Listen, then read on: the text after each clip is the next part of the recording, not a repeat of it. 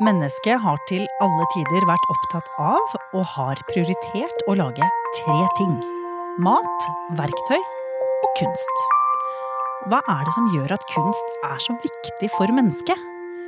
Hvordan påvirker kunsten oss og samfunnet vi er en del av? Og hvordan tenker og jobber en kunstner?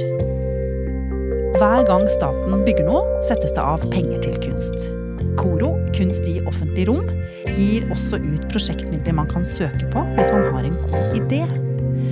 Koros kunst befinner seg på steder der folk ferdes og oppholder seg.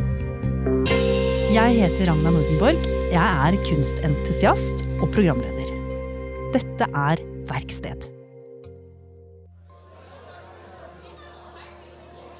Se for deg en helt fersk student. Ny på en høyskole i en helt fremmed by. Vedkommende er på vei ned i underetasjen på undervisningsbygget for å komme seg til et bortgjemt auditorium eller bare finne et toalett. En ganske vanlig øvelse for tusenvis av unge nordmenn hvert eneste år. Men i underetasjen på Campus Bergen, høyskolen på Vestlandet, finner studenten plutselig et 60 meter langt verk, malt og tegnet rett på veggen. I bakgrunnen er det en skog som er svart og hvit og skissepreget. I forgrunnen ser vi fargerike og mer ferdige figurer fra mange ulike kulturer. Det er Kasper, Jesper og Jonathan, det er Mikke Mus, og det er en mystisk mann med skjegg og krone. Verket heter Koblingen mellom Østen, Vesten og resten, og kunstneren heter Nirmal Singh Dunsi. Men hva er egentlig resten? Det skal vi få svar på i denne episoden. Nirmal Singh Dunsi, hei. Hei. Du er en eh, punjabi-norsk kunstner som jobber med tegning, eh, maling og billedkunst generelt. Og så har du vært i Norge siden 1984. Men du er født i et land langt borte, nemlig India, Ja. i året 1960. Kan ikke du fortelle litt om hvor din kunstinteresse oppsto? Min eh, kunstinteresse oppsto kanskje i, i familien min. Da. Min bestefar, min far, var også interessert i, i ikke kunst i den forstand sånn som vi kjenner skjønner det, men mye mer som kunsthåndverk. Eh, de var bestandig omgitt av både gjenstander som de hadde laga, eh, eller andre hadde laga. Det var en gang eh, en, en annen kunstner som kom hjem til mine foreldre, og han skulle vise de tingene som han hadde laga. Så jeg så på og ble så fascinert av hvordan han hadde skapt eh, kompliserte ting ut ifra et tre. Mm. Og der kanskje starta min interesse for eh, å skape med hender, Mm. først og fremst. Men eh, på et eller annet tidspunkt så er du på jakt etter nye impulser. Ja, ikke sant? Hva som skjer? Ja, og det som skjer, det går, det går jo gradvis eh, fremover. Og så begynner eh, interessen med å bestemme veldig, veldig tidlig i tidlig fasen at jeg skal bli kunstner. Min far sier ok, vi, vi støtter deg, eh, men, eh, men du må gå tiende klasse. Du må bli eh, Etter tiende klasse kan du gjøre hva du vil. Mm. Og så etter det så så starta vi den prosessen å søke hvor kan man lære mer og mer og mer.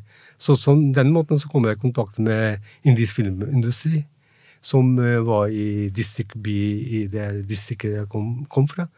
Og der lagde vi lagde eh, folk filmreklame. Håndmalte eh, filmreklame. Og- Altså som skulle være på veggene på, på, på, i byen. på kinoene. Og det starta jo fra håndverket, og så gikk gjennom eh, eh, indiske miniatyrmalerier, og senere ble interessen for vestlig kunst. Det, var vestlig kunst som, eh, som eh, Og læring om vestlig kunst så, så kunne jeg ikke finne, finne i India. Da måtte jeg søke ut. Og dermed så Dermed havnet du Havna jeg her! i Trondheim. i, i Trondheim. Så det er der jeg studerte min eh, kunstutdanning. Jeg, I hvert fall jeg gikk ut eh, på, på Kunstakademiet i 91. Verket på Høgskolen på Vestlandet forholder seg ikke til den vestlige måten å lese noe på. Det kan like gjerne leses fra høyre som fra venstre. Eller du kan hoppe inn midt på. Uansett er det seeren som må lage fortellingen. Det utspiller seg scener og merkelige situasjoner. Man ser bl.a. de velkjente Mickey Mouse-ørene og en skikkelse med ski på beina som er surret inn i tråd fra tepper med orientalske mønstre. Den ser ut som et nøste. Kan ikke du fortelle hva som egentlig foregår i dette verket? Eh, jeg tar alltid utgangspunkt i, den tiden vi lever i.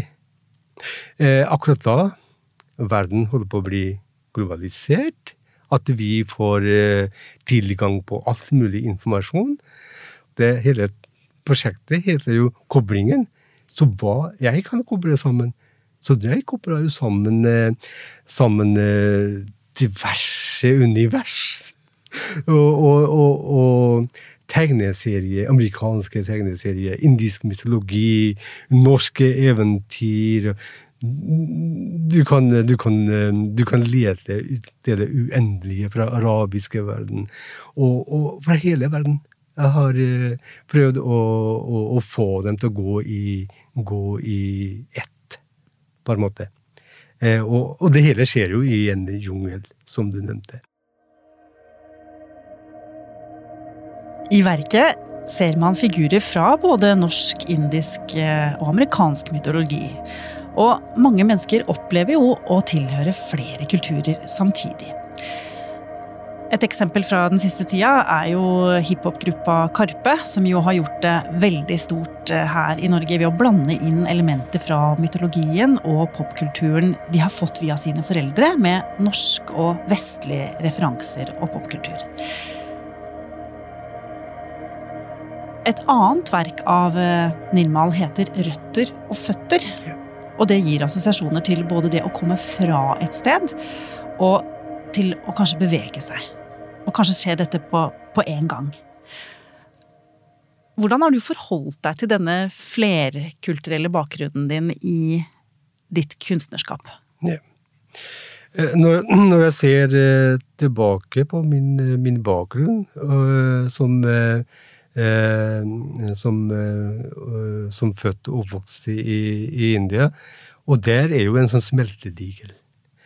Og det alltid smelter. Eh, jeg kan si en, eh, en, eh, konkret ting. Du har kunst fra vedisk tid. Du har kunst Og kommer hinduismen, preger kunsten. Og så kommer buddhismen, preger kunsten. Og så kommer islam, som preger indisk kunst. Og så kommer britene og preger Eh, noen globaliseringen som også preger. På denne måten eh, du har fått den naturlige eh, tankegangen at det, det, er sånn det er sånn det skjer. Det er sånn, sånn skal gjøres. Det er det som er, for meg er naturlig. Det er ikke at jeg gjør det, men sånn er jeg bare. Så det betyr at når du da kom til Norge og valgte deg Norge og jobbe innenfor kunstfeltet her, så var det fortsatt tilnærmingen din? Ja, ja. På, på, før jeg dro, dro, fra India, så hadde jeg tankene mine at jeg skal bli eh, like god som Rembrandt. Ikke ja. sant? Kommer jeg her, så møter jeg eh, den type kunst. Så det som presser meg å tenke tilbake på, på hvor du kom fra.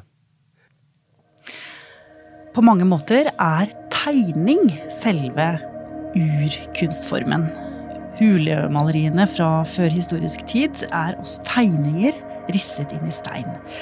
Og vi mennesker drodler når vi snakker i telefonen, og alle barn lager jo på et tidspunkt i utviklingen såkalte hodefotinger, hvor de tegner et hode festet til en kropp med føtter. Og i verket Koblingen mellom Østen, Vesten og resten har du jobbet eh, veldig mye med tegning.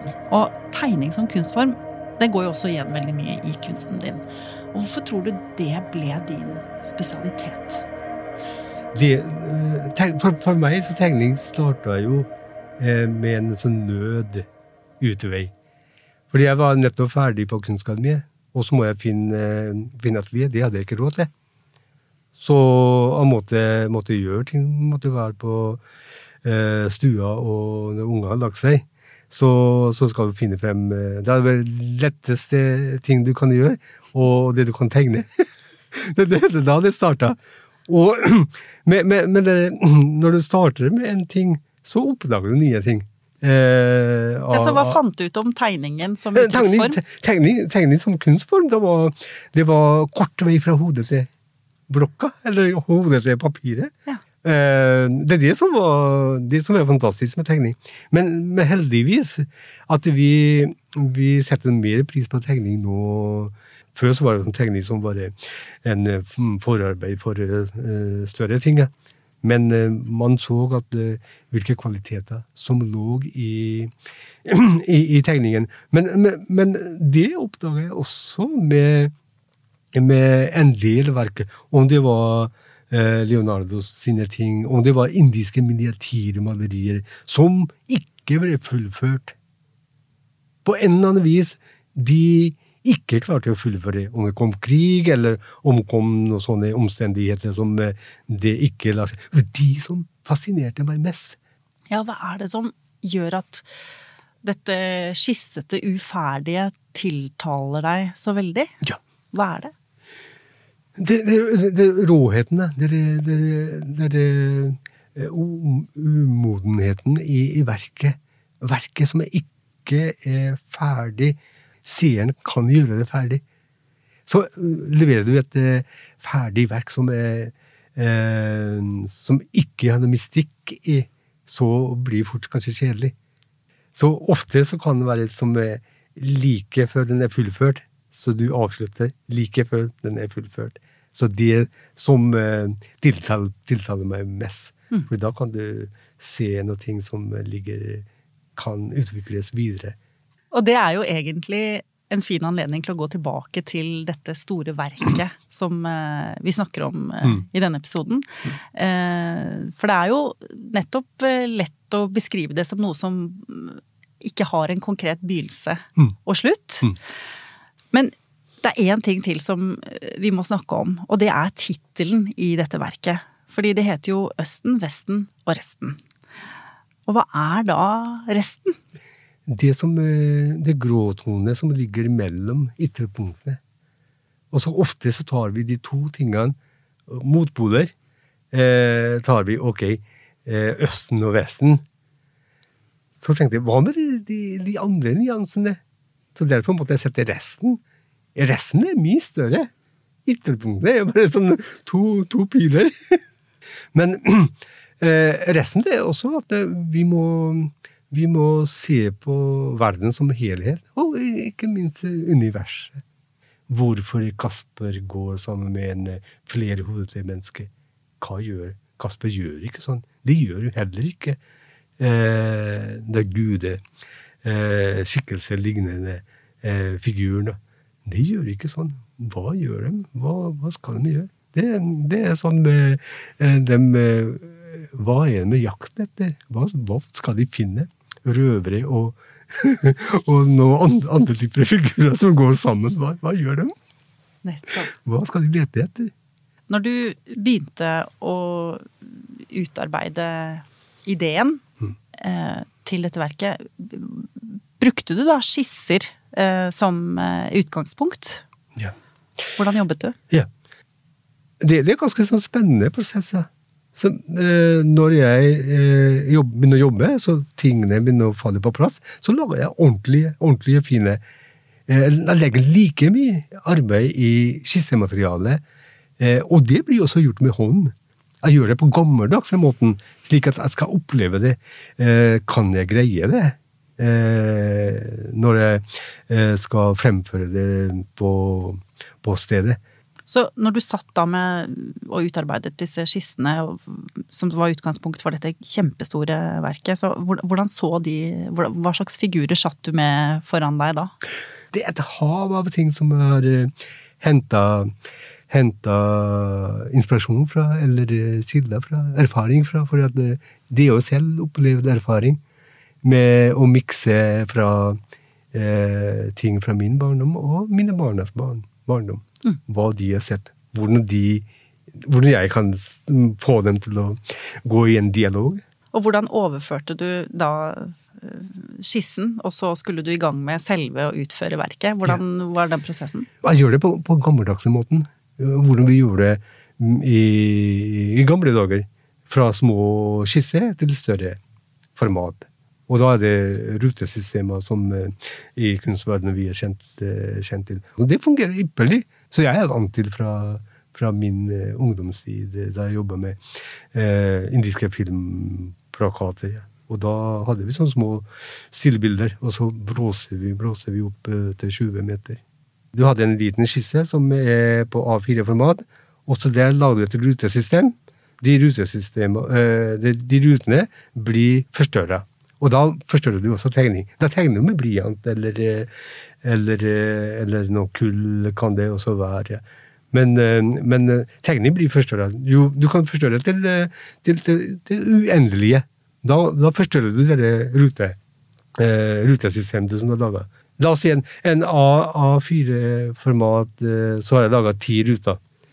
Og la oss si, hvis jeg- de eh, ti rutene er tre centimeter Hvis jeg skal ha ti ganger større, så blir det tre- tre ganger ti, det blir 30 centimeter rute. Nettopp. Og da blir jo ti ganger større eh, eh, på veggen. Og dette her kaller du rett og slett gamlemåten. Gamle måten. Og dette er noe du også gjorde når du lagde gigantiske plakater i India. Ja, ja. Nirmal, du har jo fått en eh, veldig flott pris. Du har fått Håkon Blekens stiftelsespris. Eh, og du snakker jo om eh, Rembrandt som om det er en god venn av deg, og andre av de store kunstnerne våre som også var veldig gode tegnere. Eh, føler du en, en form for eh, eh, I den anerkjennelsen, hva ligger det i det for deg, med tanke på den tradisjonen du, du eh, bygger på? Når det gjelder prisen eh, fra Håkon Brekens eh, stiftelse, det er en oppmuntring. Man ser jo opp til, til, til en kunstner som Håkon Bleken er. Så jeg fortalte til han at da jeg kom til Norge, så vi Jeg gikk på en førskole før Kunstakademiet. Så vi var på en uh, tur i Oslo. Uh, vi ble skulle besøke Munch-museet. Eh, og på Munch-museet så ble jeg så overvelda. Og så se på eh, Munchs maleri som arbeiderne på vei hjem. Og, og de menneskene kom mot meg. Er sånn hadde jeg ikke opplevd eh, Man kan male sånn. Hadde jo nettopp kommet til Norge. Så, og så opplever jeg et, et bilde som, eh, som var nesten u, virka som uferdig, og så samtidig så sterk. Den samme opplevde, eh, hadde jeg opplevelse i Trondheim kunstmuseum. Og der eh, stilte jeg ut eh, eh, Håkon Bleken eh, eh, et maleri, eller tegning, det er blanding av maleri og tegning, eh, 'Maras død', eh, som var på, på lerret med kull og olje, sto det. Og de gjorde også lignende inntrykk på meg. Derfor prisen er også viktig eh, for å sette stor pris på. Mm. Den, den oppmerksomheten da, som jeg fikk. Tusen takk for at du kom, Nirmal. Veldig hyggelig å snakke med deg.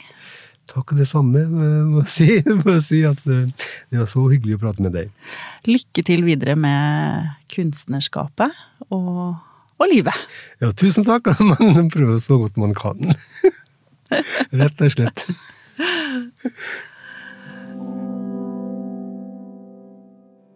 Denne podkasten er produsert av Feelgood Scene Film og TV for. Og er laget av Anna Katarina Haukeland, Pernille Skar Nordby, Åsne Jukse fra Koro, Anne Gerd Grimsby Haarr hos Filt og meg, Ragna Nordenborg. Episoden er klippet av Martin By. Produsent er Miriam Ofsdal Berg.